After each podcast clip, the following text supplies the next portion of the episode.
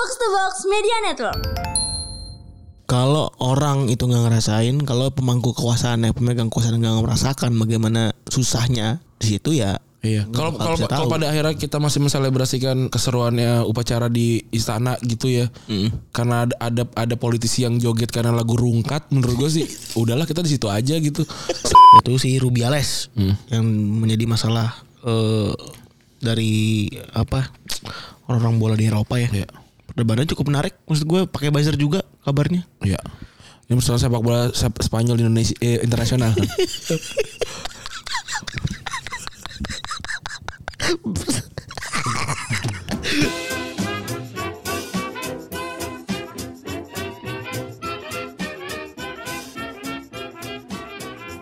Podcast Retropus episode ke-607 masih bersama double pivot andalan Anda Gorandi. Dan gue Febri. Oke, selamat hari Jumat teman-teman. Yoi selamat weekend semuanya. Udah pada gaji berarti ya? Udah pada gajian. Hmm. Udah pada gajian, udah pada ini, udah pada bayar-bayaran juga mungkin duitnya juga pada habis kali. Udah tanggal segini ya. Iya. Terus eh iya kayak, udah tanggal berapa sih? Berarti kita nih tag berarti ini, ini udah awal bulan ya? Iya. Tanggal satu udah pada gajian. Eh September ya anjing udah bulan September aja bangsat. Anak gua udah mau setahun berarti anak kedua gua. Gue merasakan bu- bulan bulan dan eh sorry tahun ini emang cepat tapi menurut gue biasa aja tidak begitu spesial. Ada beberapa kejadian juga di media sosial ya. Hmm. Yang paling ramai itu sebenarnya LRT itu.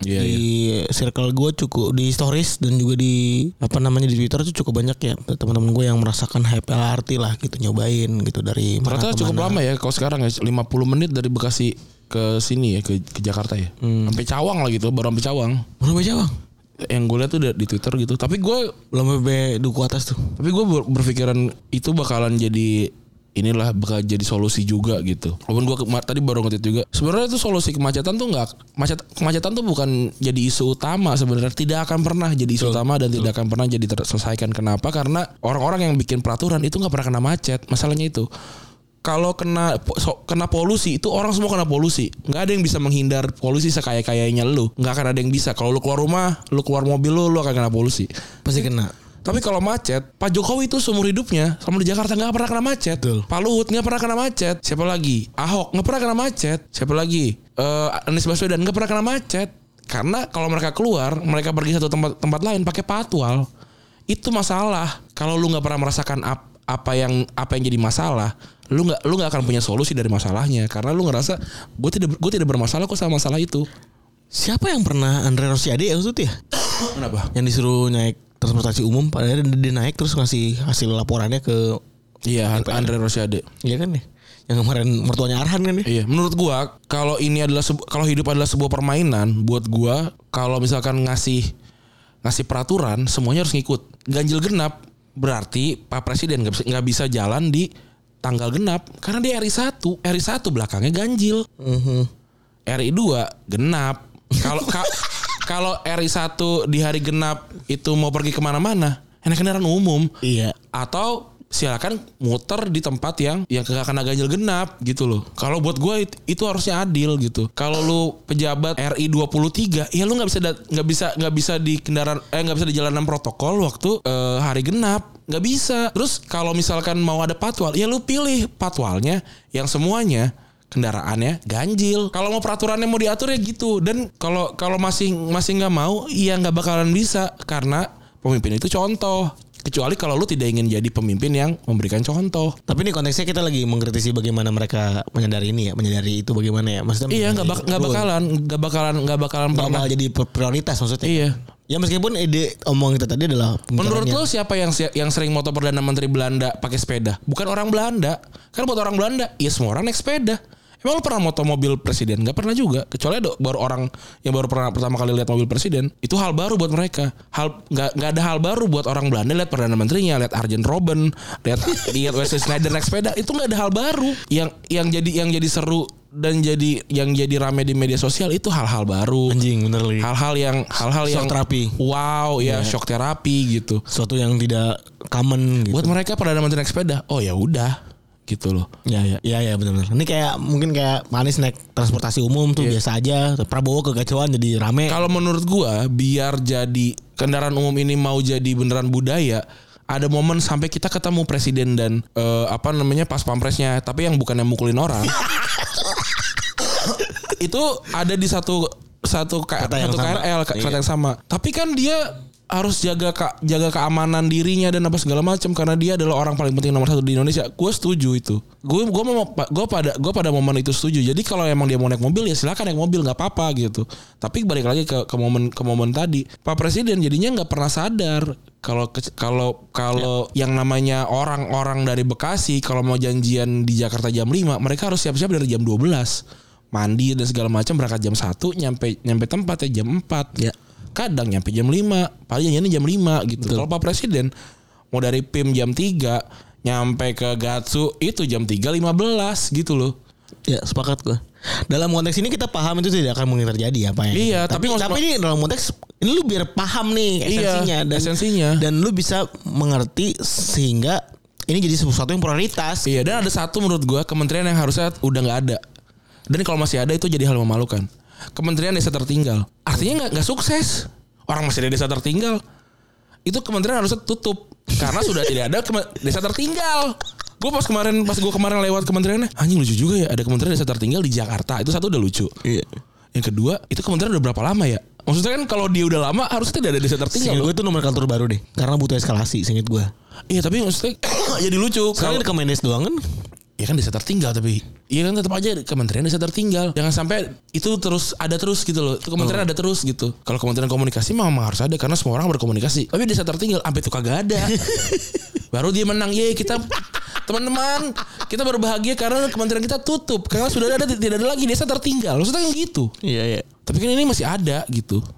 Jadi kalau ada, ada namanya desa tertinggal harusnya kan budgetnya gede ya. Biar gak ada ketinggalan gitu itu itu kementerian paling enak tau masalahnya udah jelas Desa ketinggalan iya orang Carry. desa, desanya carry coy Di sana carry Carry gini Itu. Melayu Melayu kan gitu ya iya itu desa kopnya aja udah masalahnya gitu ah itu enak banget gue pengen loh kerja di situ masalahnya udah jelas desa tertinggal gitu. Kopnya aja masalah Iya, kopnya Kopnya masalah aja problem statement tuh ya Iya. Kementerian Desa Tertinggal anjing lucu juga itu. Ya kan kalau Kementerian Pertahanan gitu. Dari apa ya kan kan? masih, masih banyak tuh Bisa tuh kita bisa elaborasi dan segala macam. Itu bukan menjadi masalah Kementerian Komunikasi gitu. Apalagi Kemen- Kementerian eh, ri- apa riset dan eh, pendidikan gitu kan. Iya. Kayak gitu. Kementerian eh, maritim kelautan gitu. Oke. Kementerian Desa Tertinggal ya udah. Oh, ini masalahnya itu. Ter- tertinggal coy. Sampai heran Kementerian Desa aja gitu loh.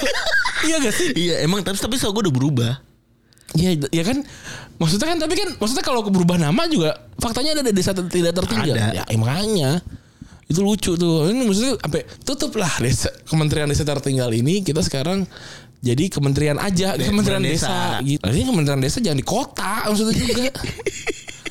Apa kementerian desa di Campville gitu misalnya ya ada village-nya gitu bisa jadi kita nggak tahu juga.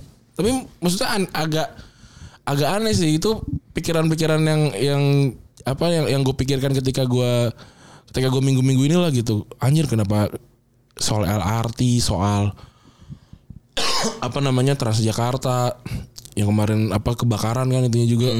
Ya nggak akan terselesaikan kalau kalau goalsnya menyelesaikan macet karena orang-orangnya tadi kita bilang gitu nggak pernah merasakan macet. Anjir. Kan yang rame tuh Valdo ya? Ah, kenapa dia? Dia naik kereta KAI nggak salah. Eh naik kereta api nggak salah Hmm. Naik komuter lain gitu. Dan Dia me- Ya balik lagi lah tadi kita omongin ya, ya Eh, ya iya udah ganti. No Kementerian Desa udah. Udah kan udah ganti kan? Tapi portal sistem informasi Kementerian Desa Pembangunan Daerah Tertinggal. Ada tetap. Soalnya setahu gue udah nom- nomenklaturnya di Kemendes doang sekarang. Si Valdo ini ngikut lah eh, apa namanya ngikut. Ada no Menteri Desa Pembangunan Daerah Tertinggal dan Transmigrasi Mendes PDTT sama berarti. Oh masih ada berarti. Masih ada gitu. Nah, ini kan sampai bubar nih sampai Menteri Desa Pembangunan Daerah dan Transmigrasi. Nah, kita menang gitu loh. Kok saya saya tertinggal. Kopnya aja udah masalah. Iya, kopnya ada masalah coy. Iya terus dia nyobain dan ya reaksinya sama seperti apa yang lo bilang gitu. Pada hakikatnya jika kita ingin menjadikan transportasi umum sebagai sebuah apa namanya sebuah prioritas gitu ya dan memang ya semua semuanya harus memang harus naik transportasi, Ya. transportasi umum supaya bisa merasakan gitu. Gua jujur mau seribut apa pun teman-teman tapi ini sepakat ini kejadian di gua juga. Ya. Gue jujur seribut apa pun teman-teman yang ada di MRT, yang ada di LRT, yang ada di komuter lain, gue tidak akan pernah bisa mewakili suara mereka gitu. Karena gue nggak ngerti masalahnya apa. Hmm. Karena gue setiap hari naik mobil. Gue duta polusi Indonesia. Iya, gue duta polusi, di polusi. Twitter. Terus gue dengan mobil gue, dengan mobil diesel itu gitu Iya. ya. Yang ngasalnya yang mana asapnya kemungkinan hitam gitu ketika baru dipanasin ya itu begitu gitu dan gue tidak bisa ngaku-ngaku kayak oh gue ngerti Hmm. ya orang gue kayaknya lu merasakan secara pure gitu permasalahan GoPay sudah tidak ada lagi di aplikasi MRT Iya. gue pernah top up GoPay gitu kan gue pernah Iya. top up MRT pakai GoPay tapi kan Seben- seben- sebenarnya ya masalahnya bisa terselesaikan kalau kalau kita punya kartu itu kan. Cuma kan ada momen gua kalau gua olahraga gua nggak buat dompet. Nah, yang mana kan cukup praktis kita cuman tinggal punya aplikasi MRT Jakarta Iya. terus tinggal upload gitu tinggal eh, otomatis transaksi langsung ke, ke redeem dari Go, Go, Go- iya. GoPay kan. Terus kenapa di- dihilangkan kan sebuah kemunduran. Nah, itu yang pada akhirnya nggak bisa gue rasain, tapi gue cuma tahu informasinya doang, Hmm. dan gue nggak tahu ini urgensinya apa. Iya. Karena gue nggak punya experience-nya. Iya itu kan? skala kecil. Gue bukan orang pemangku kebijakan. Apalagi orang-orang yang pemangku kebijakan yang harusnya berhasil. Kan Jokowi Jokowi salah ngetap tuh adalah sebuah ironi paling tinggi yang Makanya. yang Terus lu bahas tadi. Terus ngundang apa namanya orang-orang yang nggak pernah naik kendaraan umum. Sepakat. Terus harapannya ya ini kan bikin jadi jadi kesebar dan segala macam. Menurut lu ada nggak orang Jakarta yang nggak tahu ada LRT? Nggak ada lah. Pasti tahu semua. Tahu lah. semua. Jadi maksudnya yang diundang siapa pun menurut gue sama aja. Hmm. Kan sampai sekarang Ari Lasso kabarnya masih terjebak di gerbang MRT. Iya, LRT. LRT. iya kan. Aduh. Dan maksudnya apakah karena gua suka lagu entah di mana dirimu berada baso kontol baso kontol pas Ari Lasso naik LRT gua akan merubah kendak gua dari naik motor di LRT enggak juga. Mhm. Komunikasinya tuh cuma cuma soal hype kalau menurut gua kalau itu lu bikin video viral, bikin campaign Netflix, nah menurut gua bisa tuh ngundang artis. Tapi kok cuma LRT dan segala macam menurut gua nggak nggak pas sih. Kenapa nggak ada yang saya yasin gitu ya misalnya yang bisa biar ada diskusi kali gitu ya kan?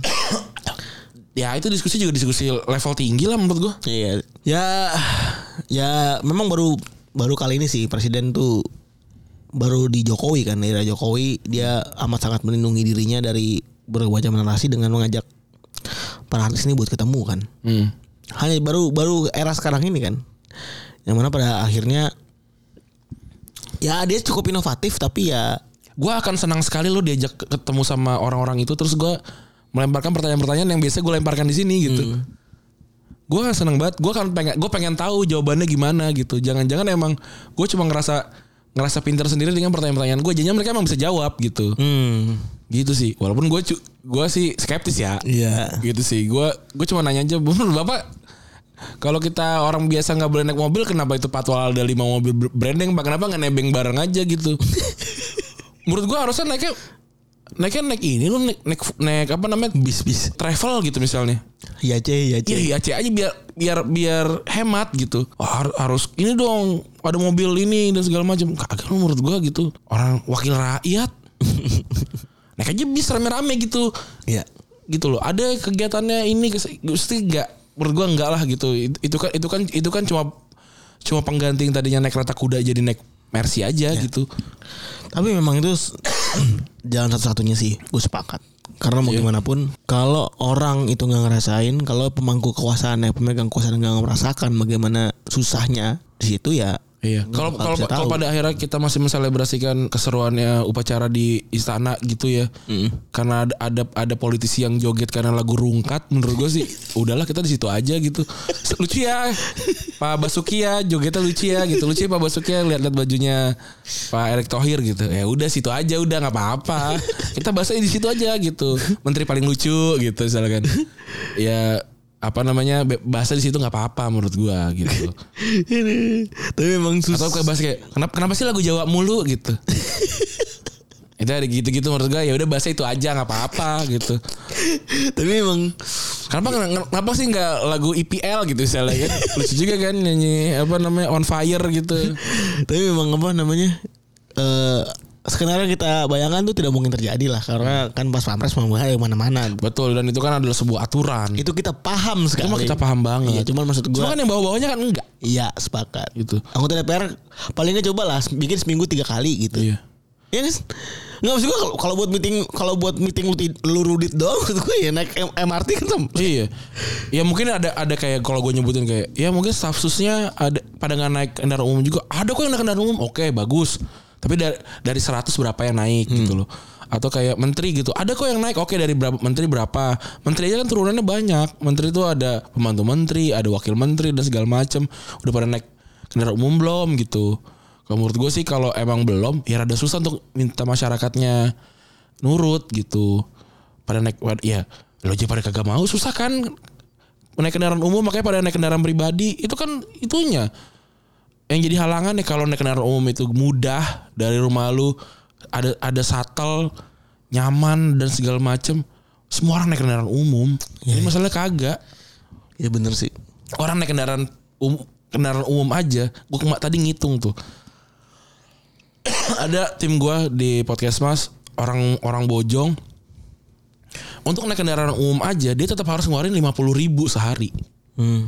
dari dia naik dari bojong ke stasiun pasar minggu. Dari pasar minggu itu dia eh, tadi kan dia berarti naruh motor tuh naruh motor goceng. Hmm. Naruh motor goceng naik naik kereta lima ribu gitu dari sampai pasar minggu udah sepuluh ribu. Dari pasar minggu ke jeruk purut itu semurah murahnya itu lima belas ribu. Anjing. udah berarti dua puluh lima ribu. Dia dari situ pulang dari jeruk purut ke pasar minggu semurah murahnya lima belas ribu lagi udah empat puluh ribu. Terus dari apa? Dari dari situ dia pulang ke rumahnya naik motor lagi. Bensin taruhlah berapa bensinnya? lima ribu sepuluh ribu tetap lima puluh ribu lima puluh ribu juga gitu loh. Itu udah naik kendaraan umum. Anjing ya. tetap susah kecuali kalau ada ada shuttle yang dari Bojong nih ke ke apa namanya gratis atau bayar berapa ke stasiun dari stasiun ke arah jeruk purut itu ada kendaraan umum yang yang mudah diakses dan cepat gitu lo tahu nggak gue pernah ya dari Kalibata City ke Blok M tebak berapa lama gue nyampe Blok M Sejam. satu setengah jam Anjing. Kalau naik motor cuma setengah jam anjing. Kagak sampai malah. Asal lu gak kejebak di lampu merah duren 3 aja tuh. Kalau udah set udah. Gue gue tuh gue dari selalu gue lewat, lewat kosan lu. Selalu kosan lu muter balik Nah, gitu. itu itu udah kacau banget sih dari situ. Tapi satu setengah jam gitu. Kacau banget. Tadi tuh ada ada yang bikin Cuman dari Kalibata ke Blok M. Lu naik apa tuh berarti? MRT, eh MRT lagi naik Transjakarta. Tai. ya. Ngantrinya, eh ngantrinya, nunggunya. Tunggunya, ngantrinya. Duduk mah duduk. Jalannya dan segala macamnya nggak visible gitu loh. Terus sekarang jadi berharap orang-orang naik kendaraan umum eh, ya susah gitu. Ada trotoar aja syukur menurut gua. Kan lu debat trotoar jalan pejalan kaki gitu. Yang susah, maksudnya masih susah. Tapi gue menarik juga sih omongan tadi statement lu. Orang Belanda ngeliat Robin naik sepeda ya Nora ya kita bukan orang sana. Iya, iya. Terus juga ngeliat Perdana Menteri naik sepeda ya itu karena memang udah habitnya. Iya. Dan membuat habit seperti itu ya butuh effort dari segala macam orang gitu. Semua pihak. Ya bener sih. Tidak boleh ada yang diistimewakan gitu kecuali ya mungkin ini susah ya dan mungkin juga ini terlalu utopis gitu ya. Iya, dan kalau lu percaya sama omongan dua orang yang cuma ngomong di podcast sih menurut gue juga salah juga. Lu lu harus lu harus punya punya argumen sendiri untuk hal-hal kayak gini gitu. Dan kalau gua sebagai sebagai orang yang suka naik kendaraan umum, itu gua ngerasa ini urgensinya tinggi sekali gitu. Dan kalau lu merasa lu juga punya urgensi itu ya ya lu harus harus punya punya suara yang sangat mewakili diri lu sendiri gitu. Kalau buat gua, ya tadi gue bilang macet nggak akan selesai Hmm. bahkan untuk gue naik kendaraan umum juga tidak membantu apa-apa menurut gue gue tidak tidak memberikan memberikan perbedaan yang yang signifikan gue juga nggak bisa ngajak orang-orang sekitar gue naik kendaraan umum juga pada akhirnya Terus eh memang transportasi paling reliable tuh di motor eh di Jakarta tuh mungkin hanya motor ya. motor Yang mana gue pada akhirnya ya mau gimana lagi. Dulu gue pas lagi susah gitu ya. Benar-benar gak punya duit dan memang cuma mampu naik motor gitu. Apakah gue rela menghabiskan waktu 3 jam di jalan demi gue naik transportasi umum dan gue gak naik motor? Kayaknya gue mending enggak deh gitu mending gue naik motor Itu kalau ada pintu ke mana saja biar lima ratus ribu, gue naik pintu ke mana saja gue. Kalau emang kalau emang perlu banget. iya bener sih tapi maksudnya ya mau gimana lagi gitu Tapi masalahnya orang kaya juga tidak punya pilihan kecuali lu sewa patwal atau apalah yang kayak gitu-gitu. iya iya karena udah hancur banget sih Iya, susah. Kota ini kota kota yang kota yang udah susah gitu. yang udah siap-siap lumpuh sebenarnya sih Gue berharap IKN ada ada perubahan juga ya, ya semoga lah gue juga nggak tahu apa yang berubah dari situ. Paling ganti patwal aja rame nguing-nguing di situ kan.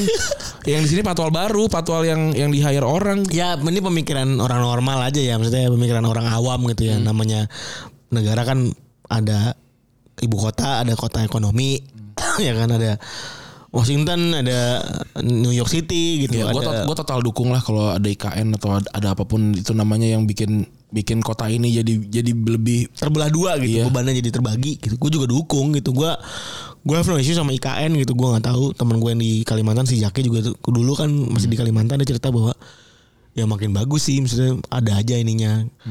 Meskipun ya impactnya belum kerasa waktu itu kan. Terus ya paling nggak orang-orang pemerintahan bisa pada pindah ke sana sih ngurangin beban lah ya semoga semoga kejadian semoga juga bisa Gua rasa kalau ada wacana ASN WFH karena polusi harusnya ada wacana ASN nggak boleh naik mobil ke kantor sih. Dan itu kan yang ngatur Pak Presiden juga ya. itu lebih konkret sebenarnya Iya, nggak boleh naik naik mobil gitu. Kalau saya sediain shuttle gitu. Nah, kalau udah shuttle kan mungkin ada yang Pak bisa sih nebeng nggak sih gitu. Saya bikin lah yang kayak gini-gini sama gitu. Gua rasa ada ada ada kemungkinan walaupun jadi ramai. Shuttle kan gitu pada ya. akhirnya kan Maksudnya, ide- maksud- maksudnya jadi macet shuttle gitu. Gua rasa ya udahlah gitu. Ada ada signifikansi juga. Iya kan pada akhirnya yang membuat banyak orang punya solusi lain kan kayak nebengers tuh kan muncul dari Iya, walaupun ada orang-orang anjing bikin itu jadi ke- apa kemungkinan kejahatan gitu. iya, ya. pelecehan seksual dan lain-lain Iya. gitu-gitu kan. Yang pada awal kita kira kan Gojek juga ada sebuah solusi dari kemacetan dan segala macam. Yang pada akhirnya ternyata juga juga menambah kemacetan yang yang gue yang menurut gue juga tidak menambah signifikan banget. Mm-mm. Kalau menurut gue sih. Toh juga mereka itu kan motor-motor yang yang mereka udah punya gitu ya. Gue juga nggak tahu ya. Tapi ya beginilah hanya pemikiran dari dua orang Iya. yang mengamati gitu ya. Masa Pak Pak Nadiem jadi Menteri Transportasi ya? Bapak jadi Menteri Menteri Pendidikan Bapak. Eh, Emang menteri trans- transportasi ada ya? Habis itu namanya Menteri Perhubungan kan ada Menteri Oh, Perhubungan. perhubungan. Menteri Perhubungan gitu. Adalah Menteri Perhubungan. Jadi Menteri Perhubungan gitu. Kan dia kan menyelesaikan masalah transportasi gitu, bukan masalah pendidikan. Sebenarnya Menteri Perhubungan tuh nggak punya akses ke TJ atau MRT kayaknya deh. Emang iya. Itu itu punya punyanya punyanya ini ya, punyanya Punyanya ini eh, apa daerah namanya? ya. APBD, APBD, apa namanya? BUMD. TJ BUMD. Pasti sih nggak ngobrol.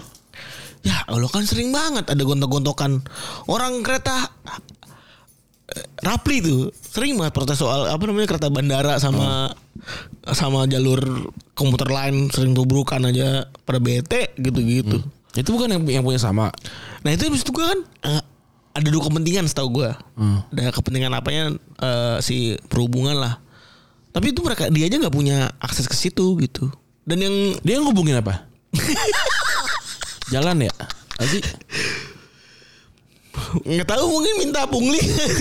Wah mungkin masa menteri minta pungli. Bukan ya jalan sih jalan darat, jalan laut. Hmm. Jadi dia bikin, dia bikin jalannya, Traffic, itu orang traffic. yang ngurusin ininya ya, transportnya. Iya, itu menjengkelkan banget gitu karena setahu gue kan yang gabungin cerita Panis menggabungkan Jack Linko itu kan beratnya bukan main kan 8 pertemuan apa 20 pertemuan gitu Kenapa kenapa lama banget ya? menggabungin angkot-angkot perusahaan KWK dan lain-lain supaya mau digabung jadi Jack Linko gitu dan tidak didukung oleh pemerintah pusat Hmm. bukan bukan nggak didukung ya tapi tidak diakomodir oleh pemerintah pemerintah pusat gitu Hmm. Ya jadi bermasalah juga kan yang kayak ini saya sampai dari Jakarta ke Bekasi gitu misalkan udah, udah beda gitu kan. Iya. Tambah lagi begitu. Dan gue sih salut sama Panji gitu ya. Dia kan begitu bisa menyampaikan pas lagi panas kampanye dulu dia bisa menyampaikan bagaimana odong-odong dulu menjadi salah satu apa namanya? Salah satu transportasi umum pada akhirnya karena banyak karena nggak ada yang nyampe ke dia terus Panji bisa menyampaikan itu. Terus dan kejadian gue respect secara politik political will anjing keren juga loh gitu. Biarpun politik identik dengan kotor tapi itu tuh salah satu good good loh, bagus banget itu maksudku Jack Linko tuh. Dan apa namanya? Ya gue sih sepakat ya kalau memang balik lagi nih ngomong kita mungkin tidak akan pernah terjadi gitu ya. Karena kan presiden punya privilege gitu segala macam dan lain punya privilege. Tapi memang perlu ngerasain sih. Dan perlu sering buatlah sebuah kebijakan mereka nggak boleh bawa apa nggak boleh bawa apa nggak boleh bawa apa Gua rasa dimulai dari presiden dan menteri-menterinya kena ganjil genap dulu sih. Gua rasa itu dulu aja. sebenarnya pada, pada nasional Ren kalau mau jalanin ya anggota DPR cuy anggota DPR terus juga ganjil, PNS kena ganjil genap. Iya. Mobilnya banyak sih soalnya mereka. Kalau ini kan RI 1 bukan RI genap nggak boleh nggak boleh eh, bawa kendaraan pribadi biar pada nggak ada biar pada nggak datang. Bukannya udah itu ya. Itu sebenarnya udah tau kayak nggak datang kenapa nggak boleh dia nggak mereses reses Iya. Nggak tahu lah gua. ya itu hanya kita berdua dan gue sepakat eh, apa namanya memang Nah, pada akhirnya kalau Jakarta macet lumpuh karena macet juga nggak apa-apa lah. Nggak apa-apa menurut gua. Beneran deh. Nggak apa-apa gue tinggal jalan di trotoar. ditubruk gojek Gue juga ke mana-mana deket, usaha gue deket. ditubruk gojek yang lawan arah Iya, kantor gue deket. Maksudnya udah kalau emang itu kayak kita pukul-pukulan gitu. Solusinya mungkin itu. Ya inilah maksud gue yang mana kita udah bahas beberapa pekan yang lalu gitu ya Seolah-olah kita kok ditinggal pemerintah gitu Dalam hal ini kita di grassroots yang kedua menyelesaikan masalah kita sendiri emang harus mandiri lah. Seolah-olah ya gitu. Maksudnya Kalau tidak seolah-olah nggak apa-apa mandiri aja. kan manusia ini kan butuh untuk hidup di Indonesia gue rasa baik baik untuk jadi orang pes- pesimis, orang pesimis yang optimis. Optimis sekali untuk pesimis gitu. Gue sih kalau nggak usah optimis optimis banget gitu. Dan turunkan standar gitu, turunkan ekspektasi gitu. Ah nggak jadi, udah nggak apa-apa. Gitu loh, biasa aja. Dan semoga kementerian de- desa tertinggal Iya, ke- sekarang sorry, itu sekarang udah desa. Sekarang udah Kementerian Desa. Tapi yang bagian desa tertinggal itu masih ada ternyata. Oh lah itu loh. Biar kalau kalau ada tumpengan dari Kementerian Desa, lagi juga Kementerian Desa gitu. Gitu ya, Kementerian Desa gitu. Nah, kalau teman-teman berkat kerja keras kita tahun ini kita berhasil menghapuskan satu kata yang sangat mendeskripsikan kita. Apa itu adalah tertinggal. Woi, gitu. Kop suratnya udah problem statement tuh lucu Iya. banget Ngeri cuy. Maksudnya itu tapi kalau menurut gue tuh udah strike udah strike banget sih kayak kita bikin kementerian apa lagi teman-teman gitu kan misalkan waktu itu masih ada kementerian masih dikit kali kementerian Iya. anu Kementerian transportasi umum misalnya iya kementerian ya waktu waktu awal banget nih waktu para para Hokage Hokage pertama kita bikin kementerian gitu kita butuh kementerian apa aja sih pak gitu kementerian penerangan oke Beneran lu komunikasi kan ya Iya sekarang komunikasi Kementerian ini Pak eh, pertahanan, wah mantep tuh untuk bertahan dari negara-negara yang akan nyerang kita kan. Iya. Kalau harus kutu datang, set kita udah ada yang bertahan Pak. Wah keren itu tuh. Gitu. Kementerian Perhubungan perlu itu yang yang nyambung nyambungin jalan gitu kan. Mantap tuh. Kayak ini yang anyar panarukan gitu-gitu Pak. Wah keren gitu. gitu gitu kan. Kementerian Agama perlu nggak? Perlu. Tapi yang Islam dulu aja gitu misalnya kan. Oh, mantap gitu. Apalagi ya. Ini desa pak. Ada sih yang nyaut satu tuh. Desa ya. Ah, tapi desa tertinggal pak. Biar kita tahu semua problemnya langsung itu pak. Desa tertinggal. anjing anjing Oke, saya setuju. Tapi tempatnya harus di Jakarta. Itu juga aneh tuh. Tapi desa tertinggal setahu tahu gue nomenklatur baru itu Ya udah desa. Nomenklatur baru pas Jokowi Kementerian desa Sebelumnya ya? desa nggak ada kan Hah?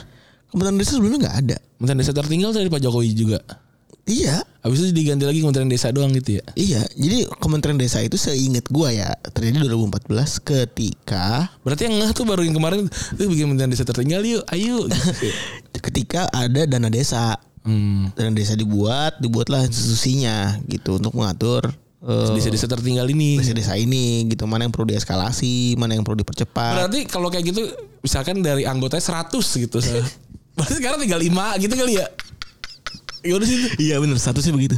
Ya, itu real tuh. sampai habis ya. Tapi itu ini sum- sumpah ya, itu, itu emang KPI-nya begitu, Run. Lucu ya. Jadi emang itu Semak- kan kalau misalkan kalau kayak eh, kementerian apa sih itu namanya yang sensus itu sih kementerian sensus itu pendudukan ya Iya. Itu ya yang yang ngurusin kependudukan gitu tahun ini pokoknya Kemendagri, Kemendagri. Kemendagri ya, Kemendagri pokoknya tahun ini minimal 90% orang Indonesia punya KTP. Siapa gitu kan. Jadi nambah kan ininya kan. Apa namanya? Nama database. Database nambah. Keren, kalian keren, keren, keren, keren, keren gitu. Tapi menteri desa doang. Pokoknya tahun ini ini nih teman-teman yang di desa ini minimal tinggal dua gitu. Itu lucu banget itu pasti meetingnya tuh. Siapa sih menterinya? Carilah. Menteri desa doang. Gue tuh tahu itu karena mantan gue dulu bapaknya dimutasi dari Kemendagri ke situ. Karena dia apa sih kalau kayak gitu? Iya, jadi Prestasi bukan itu. enggak maksudnya prestasi dalam konteks prestasi dalam dalam hal ini ya memang ini menteri baru nomenklatur baru kayak Kemenko Marves kan setahu gue namanya bukan Kemenko Marves kan Nah, namanya Abdul Halim Iskandar. Wah, Pak Abdul Halim semangat bekerjanya, Pak. Saya pengen ngobrol sama Bapak ini dengan desa. tapi enggak maksudnya Kemenko Marves kan baru-baru ada pas Jokowi kan sebelumnya kan bukan Kemenko Marves Iya, itu kan ganti nama kayak penerangan jadi tadi jadi Kominfo. nah tapi beda beda nomenklatur itu beda juga tupoksinya Ya itu kan kayak UN sama SNPTN sama SPMB, Pep, gitu-gitu aja kalau menurut gua mah. Udah tinggal ini emang emang epic sih epic gaming Iya. aduh ya ya ya ya sudah cukup kita bahas Dia lah menteri desa bangun nih. Jadi sebenarnya desa tertinggal, Feb. Sebenarnya gue bener. Dia adalah menteri desa, koma pembangunan daerah tertinggal dan transmigrasi. Cuma emang namanya tadi kan Kementerian Desa Tertinggal. Sekarang diganti. Kementerian Desa, koma daerah tertinggal. Jadi tadinya desa doang yang tertinggal. Sekarang misalkan distrik, kabupaten, tertinggal join gitu loh. Dulu kan desa doang gitu. oh Kementerian Desa dan daerah tertinggal ketika sadar kita kumpulin ini desa semuanya banyak pak yang tertinggal oke tapi distrik juga banyak nih. Jadi skopnya nggak cuman kabupaten banyak gitu. Oh, ini untuk eskalasi eskalasi yang, yang kita khawatirkan ntar masuknya kota tertinggal. Banyak takut gua. Iya. semoga dari list yang ada turun. Iya iya iya. Karena masih banyak kabupaten sih di Indonesia ya. iya bener. Gitu. Ya, begitulah ya. dusun tertinggal masuk gitu. Gara-gara gara-gara transportasi umum, Iya nih, LRT. tapi kita sebagai orang Jakarta juga sebenarnya cukup gue sebenarnya cukup bising sebenarnya orang-orang luar kok Emang lu doang emang ngira-ngira polusi gue juga kan gitu loh. Kita kita tuh cry baby banget sih sebenarnya. Iya, iya. Di menurut gue. Dan terlalu Gua gua ya gua nggak mau mewakili orang Jakarta lain. bukan bukan sih cry baby sih. Bukan bukan cry baby sebenarnya. Terlalu menguasai pembicaraan media sosial sih. Ini kan kita patokannya media sosial ya. Iya. Patokan media sosial orang Jakarta ini terlalu mendominasi pembicaraan media sosial gitu apa pun ra. Apa pun yang berbau Jakarta berbau dekat Iya. tiba-tiba boom, tiba-tiba boom, tiba-tiba boom gitu sehingga uh, ternyata amat sangat cry baby gitu karena apa pun yang diomong sama orang Jakarta tiba-tiba rame. Mm. Ya, Gitu sih. karena kan banyak, banyak banget orang Indonesia yang main apa main Instagram, Twitter tuh orang Jakarta. Dan Karena orang lain tertinggal. dan definisi Jawa adalah kunci itu udah ada seril-realnya kondisi Indonesia loh. Jawa adalah kunci. Lu coba gue nyari apa sih sebenarnya stan- apa standarisasi dia disebut tertinggal. Tapi mungkin itu nanti lah kita bisa bahas di alegori lah ya soal kemen- Kementerian Desa, koma daerah tertinggal, koma transmigrasi ini ya. Uh, perlu di riset tuh tapi lucu juga tuh. Lucu juga itu lucu banget. Gue pengen bener ngobrol sama Bapak Abdul Halim ini tadi nih lucu banget nih pasti. Terus eh dari ini ya. Dia nggak pernah di YouTube loh ini kayaknya. Hah? Bapak Abdul Halim nggak pernah di konten gitu maksudnya. Di bola ya kita masuk bola baru transfer ya Benjamin Pavard resmi ke Inter ya dari Bayern Munchen. Terus Joao Felix terlihat seperti di penjara sama Simone ya. Orang dia yang bilang nggak mau main bagian. Mau main dia bilang ya. Dia bilang mau ke Barca kan. Mm. Aneh itu sebenarnya. Barca mau beli kan? Gak punya duit kan? Dan maksudnya lu taruh di mana? Se- orang dari bintang ya. Apa FIFA segala macam gitu kan. dia, Cover dia sekarang 88 loh. Dia ininya kan ratingnya sebenarnya hebat dia. Ya ya gue juga gak ngeliat dia spesial juga sih di di timnas Portugal juga udah kesusul sama banyak striker.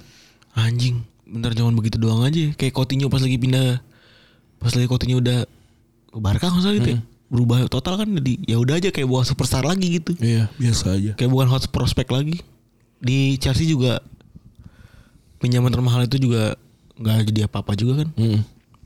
Dan benar-benar di portray menderita sekali gitu ya duduk di bangku cadangan nggak ngapa-ngapain terus juga padahal rekan timnya sedang berpesta kan menang Iya. 7-0 gitu, gitu. terus Oleh, eh oleh tim desa tertinggal Real Vallecano. Kalau yang gak tertinggal kan Madrid, Atletico. ya lumayan Getafe. Ini Rayo Vallecano. ya karena namanya juga Sociedad ya kan. Hadiahnya ya. ik, hadiahnya naki ikan. Kan Sociedad UCL sekarang. Oh iya iya, Sociedad dia. Dia keren.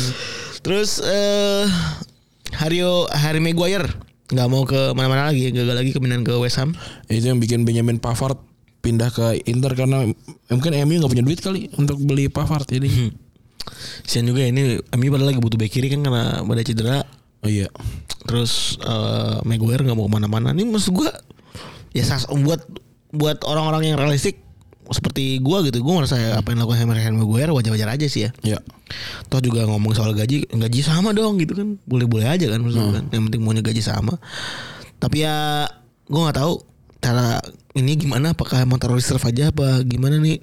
Ini parah juga temen orang ya dari yang luar biasa bagus jadi kayak sekarang gitu. Terus Floren Bal- Bal- Balogun ke Monaco ya. Iya ini mah belum bisa ditebak sih. Terus di jadwal akhir pekan ini ada beberapa pertandingan yang cukup gede. Yang paling gede tuh yang jelas ada Arsenal lawan MU ya. Di Minggu jam 10 malam. Lalu ada Wah itu lagi sinkronis ya. masih kronis ya?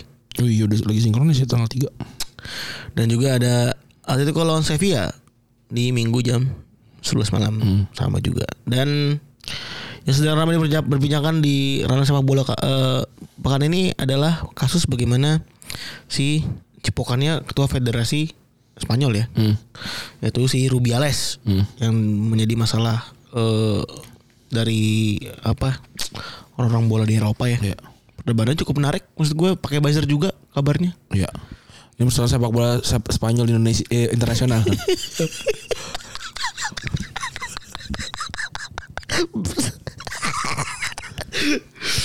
Ketua PSSI ya. Hari ini agendanya adalah menyebarkan konten dalam rumput ya. Iya ngegulung. Konten sama semua ya Allah. Gokil ngegulung rumput kata gue. Aduh ya Allah Podo baik gue Nakar-nakar Gue capture-capturein aja terus. Gue capture-capturein aja terus Dan kalau kita ngomongin soal kronologi, ini kronologi kejadian di FIFA eh, Women's World Cup kemarin ketika Spanyol juara eh, lawan Inggris ya, di mana si Olga Carmona golin eh, sehingga Spanyol menang 1-0 dan eh karena banyak ya secara kronologi Spanyol diunggulin karena banyak main Barca Femini yang dominan banget di musim lalu. Sampai ke final cuma kalah satu kali di Jepang di fase grup. Dan hebatnya lagi kali ini mereka bisa pertama kali bisa menunjukkan semifinal dan langsung juara ya.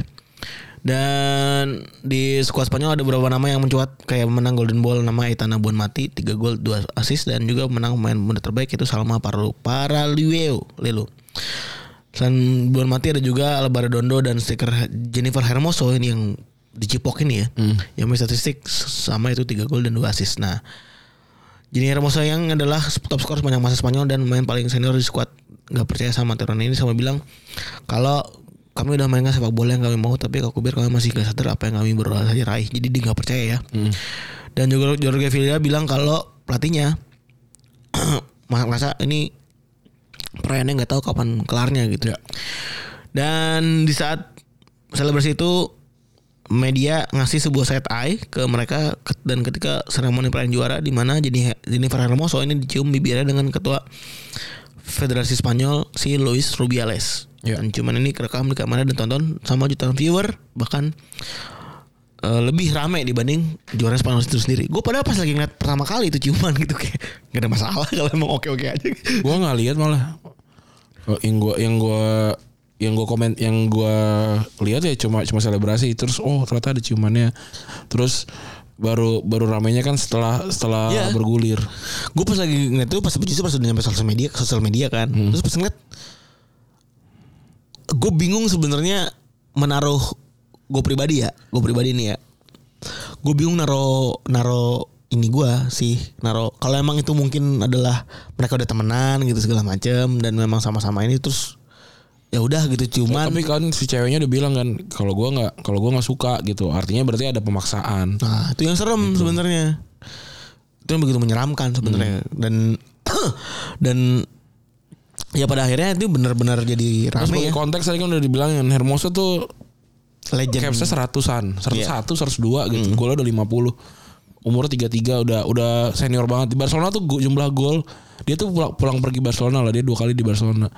Dia di Barcelona yang kedua itu golnya lebih lebih banyak dibandingin pertandingannya. Jadi emang ini orang jago banget sebenarnya. Sekarang tuh di Pachuca. Eh kalau menurut gua kalau dia kalau dia ngomong begi- begini dia pasti apa mempertaruhkan kredibilitasnya gitu. Jadi menurut gua emang emang kalau gue sih berpihaknya di, di dia dulu gitu Iya. yang eh ya sampai ada pembuktian terbalik lah gitu ya. Masalahnya si si si Rubiales eh Rubiales ya siapa namanya Rubiales. Rubiales, ya. Ini kan juga juga gua nggak tahu Gue sebenarnya nggak tahu siapa siapa ketua PSSI sepak bola Indonesia apa internasional Spanyol. Internasional ini sampai sa- sebelum se- setelah ini kan karena Villar kan gue kira masih dia ternyata udah dia udah di udah dipecat ya karena dia tersandung kasus korupsi ya. Mm. Dan justru gue pikir Jadi gua ini gua adalah orang yang sama yang korupsi itu. Enggak, ini ini botak baru sih. Iya. Lah kok podo aja kata gue. Iya.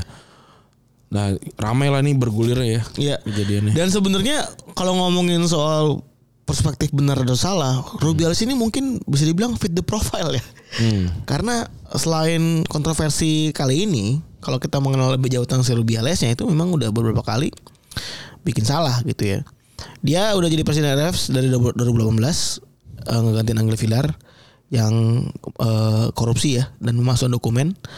Dan dia adalah mantan main bola eh apa namanya jadi back dan baru sebulan jadi pre- presiden RF udah bikin headline karena mencat si Lopetegui ya waktu itu ya di sebelum Piala Dunia berarti ya Ya. pas lagi eh Bener, bener- Madrid beneran ya. beneran satu hari ya, satu hari sebelum Piala Dunia atau seminggu gitu, pokoknya dekat banget lah. ya benar-benar pas retrobus dibuat lah pokoknya. Iya. dan tahun 2019 diangkat jadi anggota komite eksekutif UEFA. Ini kasusnya udah cukup banyak. Pertama dia melakukan kekerasan seksual ke ars- arsitek di rumahnya. Iya. kuli kuli diperkosa ini luar biasa. Dan bisa ditwist jadi pencurian nama baik di tahun 2020 dia dibawa ke persidangan karena ada dugaan kekerasan ke arsitek perempuan yang merenovasi rumahnya tahun 2017 dan si arsitek yang perempuan ini bersaksi kalau waktu itu Rubiales sudah ngedorong dia secara agresif sambil megang tangannya setelah keduanya ribut soal deadline pengerjaan rumahnya. Oh ini kasar doang ya sorry dan si arsitek juga bilang kalau dampaknya tulang rusuk dan tangannya cedera sampai butuh waktu 8 bulan buat bisa sembuh juga bikin dia trauma. Dan waktu itu diminta bayar uang sejumlah 21 ribu euro sebagai kompensasi ke sang arsitek oleh pengadilan. Tapi setelah proses sidang cukup panjang, di tahun 2001 pengadilan membebaskan Rubiales dan dari perkara karena nggak terbukti bersalah. Dan Rubiales bilang kalau dia udah empat kali ngejalanin sidang dengan empat kasus berbeda di mana dua di antara soal kekerasan dan ini cuma percobaan blackmail ya- yang buat nyoreng nama baiknya doang. Dan dia justru mengaku kalau dia adalah korban dari kekerasan si wanita tadi. Ini fit the profile sekali ya. Iya, terus banyak lagi ya dengan dugaan penyelewengan kekuasaan yang bekerja sama dengan Pique. Pada 2002 April, Rubiales terlibat dua dugaan aksi penyelewengan keku- kekuasaan. Pertama soal dugaan kalau dia menerima sejumlah fee dari Gerard Pique dan agensinya ya buat bikin Super Copa di Espanya Espanya di Arab Saudi. Yang kedua dia juga diduga pakai uang anggaran PSSI ya, PSSI perusahaan Persatuan Sepak Bola Spanyol Internasional ya buat bayar sewa rumahnya di Madrid. Tapi dua dugaan ini langsung ditutupi sama Rubiales. Terus juga ada pakai power pemerintahan buat menangin presiden dia sebagai presiden ya. Dan dia dituduh pakai power koneksinya di pemerintahan buat memperhalus tracknya menang pemilihan 2018 lalu tapi rumor ini ditepis ya. Tahun 2022 Rubiales kembali masuk pengadilan setelah omnya yang juga ex staff RFF Juan bilang kalau Rubiales sering nyalurin uang federasi ke sektor privat yang bersifat seksual. Tapi lagi-lagi Rubiales nepis isu ini dan menang di pengadilan. Ya katanya dia bikin rumah bola di perek kecil-kecilan. bikin bikin bis penuh dongdok karena meniru Sil almarhum Silvio Berlusconi. Aduh, aduh, elah. Tapi, tapi nggak belum tahu ya apa ya sebenarnya yang berhubungan sama seksualnya apa. Iya. ya? Dan di bulan yang sama 15 pemain anggota tim promosional menuntut Rubiales supaya ngasih sarana personal dan treatment yang lebih profesional tapi justru direspon Rubiales dengan ancaman ban 5 tahun anjing banget. Dan di 2003 ini Rubiales nyoba buat narik hati 15 mantan dengan ngasih jajan 15, 15 ribu euro ke tiap pemain yang akan berangkat ke FIFA World Cup ini. Tapi responnya tiga main ngebalikin duit itu dan tujuh main berprinsip, terus nolak main buat Spanyol selama rezim Rubiales. Nah ini yang case terakhir ya, yang case ciuman dengan Jenny Hermoso. Sebenarnya kalau ciuman tuh tidak tepat sih, mencium. kemudian. Mencium ya. Gue sendiri tidak melihat videonya sih. Maksud gue, gue ngeliat sih. yang di yang di beredar di media sosial tuh bentukannya udah foto gitu ya. Si si Rubiales narik berarti ya, narik. Iya. Kalau kalau dilihat dari videonya dan dan intensinya sih kayak gitu ya. Anjing. Eh, Kredit malu ya anjing. Rubiales sendiri awal bilang eh, kalau orang yang ngeritik dia nih idiot, maksudnya yang ngeritik soal soal dia mencium Jenny Hermoso ini ya. Sampai dia bikin video minta maaf usai dituntut menporanya Spanyol ya. Miguel Iceta dan bagi saya itu itu nggak bisa diterima kata si Miguel Iceta ya. Kita ada di era kesetaraan masuk hak, hak menghargai perempuan. Nyium pemain di bibir bukan buat menyelamatin menye, eh, menselebrasikan itu bukan sesuatu yang bisa diterima. Hermoso sendiri bilang kalau dia nggak menikmati eh, ciuman itu tapi nganggap kalau itu cuma bentuk emo- emosi dan euforia sesaat aja. Gitu. Video permintaan maaf Rubiales dianggap nggak pure dan tuntutan supaya mundur makin makin banyak muncul termasuk dari presiden klub La Liga, asosiasi pemain dan FIFPro. Walaupun ini dianggap nggak pure ini anggapan ya. Gua maksudnya walaupun gua nggak setuju juga tapi anggapan tuh rada susah sebenarnya. Hermoso diwakili oleh Food Pro dan agennya juga eh, bawa kasus ini ke pengadilan dan dan pengen aksi Rubiales ini dapat it- apa sih dan nggak pengen aksi Rubiales ini nggak dapat hukuman. Sebelum nunggu keadilan dia mengaku juga nggak bakal mau lagi main di timnas selama rezim masih dipimpin Rubiales. Eh, FIFA lagi meng- menginvestigasi juga bilang kalau Rubiales mungkin melanggar FIFA Disciplinary Code pasal 13 ayat 1 dan 2 yakni soal violating basic rules dan insulting a natural legal person in any way especially offensive gesture. Sementara pemerintah Spanyol dari rilis statement yang super to the point secara logika kami akan melakukan segala hal dalam, dalam kekuasaan kekuatan kami buat memastikan kalau laki-laki ini yang gak layak disebut perwakilan sepak bola Spanyol nggak jadi nggak jadi lini terdepan sepak bolanya Spanyol. Adanya Rubiales bilang kalau dia nggak akan mundur dan juga akan memperjuangkan haknya. Menurutnya cuma itu dilakukan secara konsensual. Nah konsensual berarti kan harusnya dua dua belah pihak dan ketika pihak yang lain yang bilang enggak ya enggak. Padahal di wak- di waktu yang sama 11 staf E- RFF EF udah resign karena nggak bisa menanggung malu. Terbaru sejak 26 Agustus lalu FIFA akhirnya melarang Rubiales terlibat di kegiatan sepak bola selama 90 hari. Dalam aksi buat ngebela hak anaknya Ibu Rubiales, Angelas mogok makan dan mengunci diri dalam gereja sampai melakukan gak manusiawi yang menurut menurutnya diterima anaknya berhenti. Bahkan Ibu Rubiales merasa bahwa sang anak harusnya tetap pada stance dan nggak perlu beru- berubah demi publik. Oh, jadi rame nih. Dan eh apa namanya? Ini kan case yang merembet ya.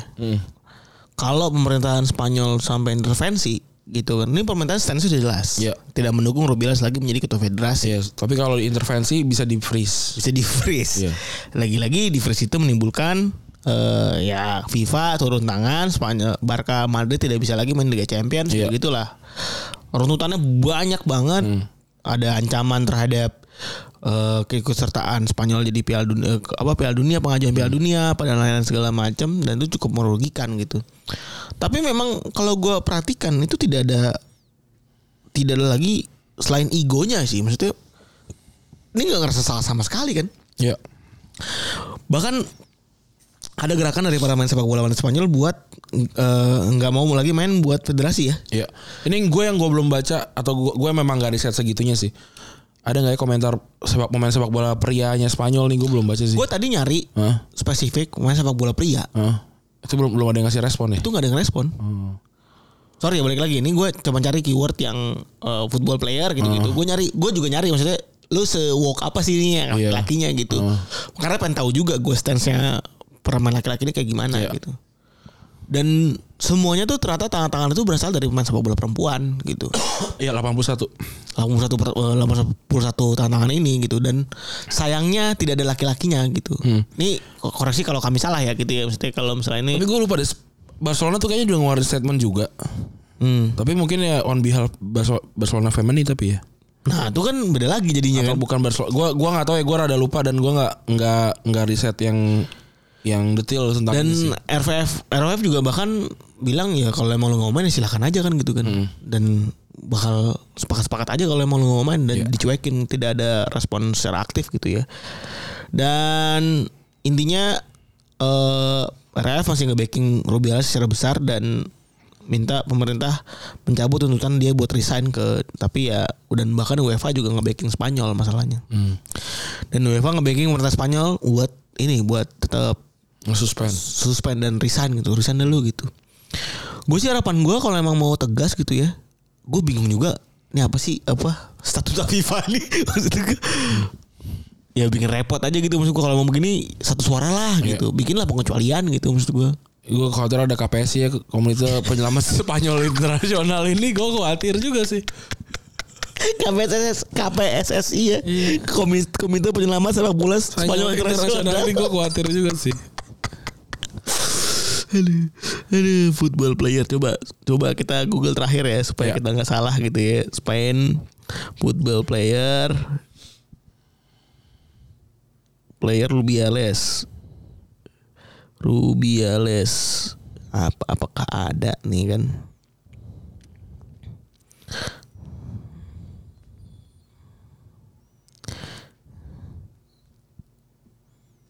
Kagak ada cuy. Iya belum ada ya Maksud gue pasti ada nama pemain yang muncul dong ya kan? Iya Yang walk-walk gitu ya Iya. Tapi Iya. emang Iya, emang cuma segitu doang kali ya? Ya mungkin masih ditahan sama klubnya kali ya Ada diskusi soal itu Kita belum tahu tapi Mungkin menarik untuk diikuti Gue juga sih. mencari Spain man football player Rubiales nggak ketemu.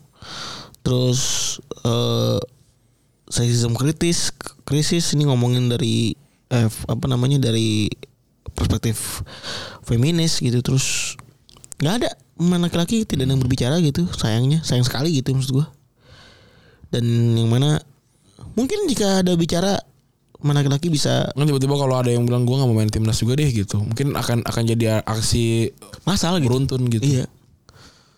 Gitu. Ah nggak tahu. Oke ibunya Rubiales juga ntar jadi lapar gitu.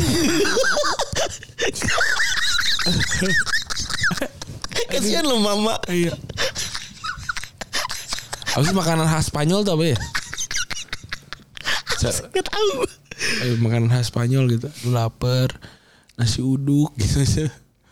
Aduh. Kamu ngaku aja dede gitu kayak ngomong ke anaknya. Enggak mama, enggak. padahal bisa Ruby enggak gitu. gitu. padahal bisa ngegojekin pagi sore kayak, ada dugaan Gojek sering sampai ke sebuah gereja.